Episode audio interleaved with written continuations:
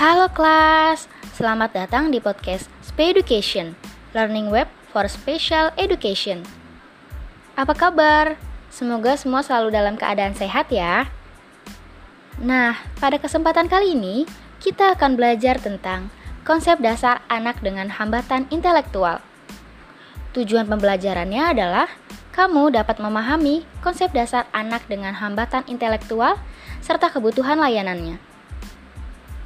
Oke kelas, tidak perlu lama-lama lagi, mari kita mulai.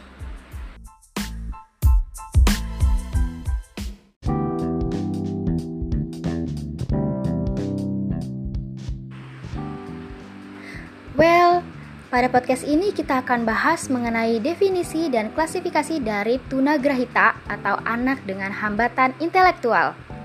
Kalian sudah tahu belum apa itu anak dengan hambatan intelektual? Jadi, istilah tunagrahita berasal dari bahasa Sangsekerta. Tuna yang artinya rugi atau kurang dan grahita artinya berpikir.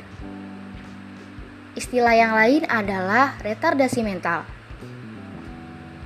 Tunagrahita dapat diartikan sebagai individu yang mengalami hambatan dalam tiga aspek, yaitu pertama, EQ di bawah rata-rata secara signifikan, yaitu di bawah 70.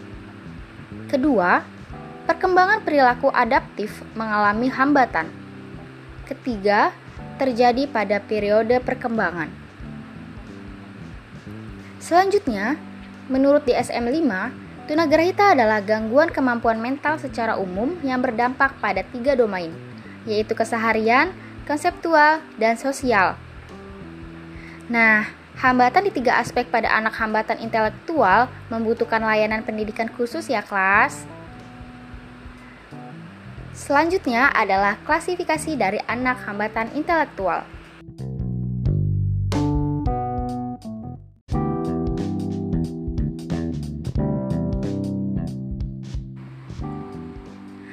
Tahukah kamu, tunagrahita atau hambatan intelektual diklasifikasikan berdasarkan derajat, dan keperluan pembelajaran loh kelas.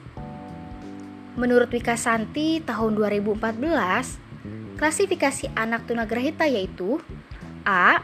Anak tunagrahita ringan dengan EQ 50-70 Anak tunagrahita yang tergolong ringan memiliki kemampuan untuk dididik sebagaimana anak-anak pada umumnya.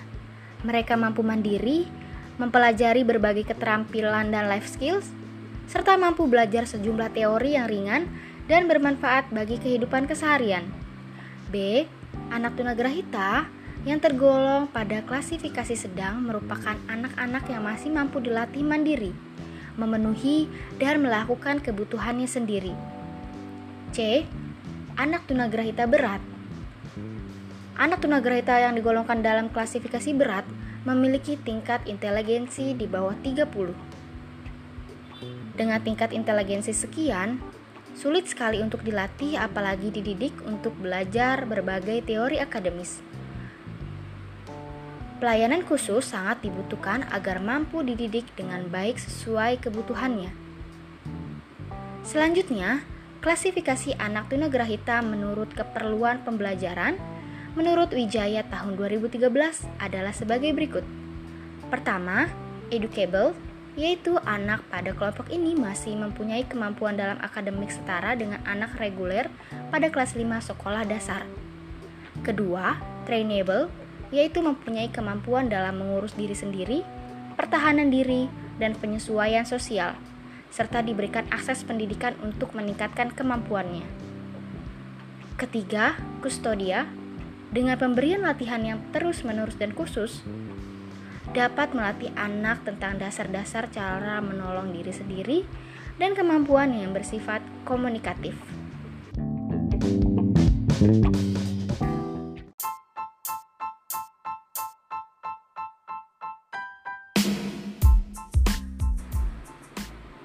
Oke kelas, segitu aja pembahasan kita mengenai definisi dan klasifikasi dari anak dengan hambatan intelektual atau tunagrahita.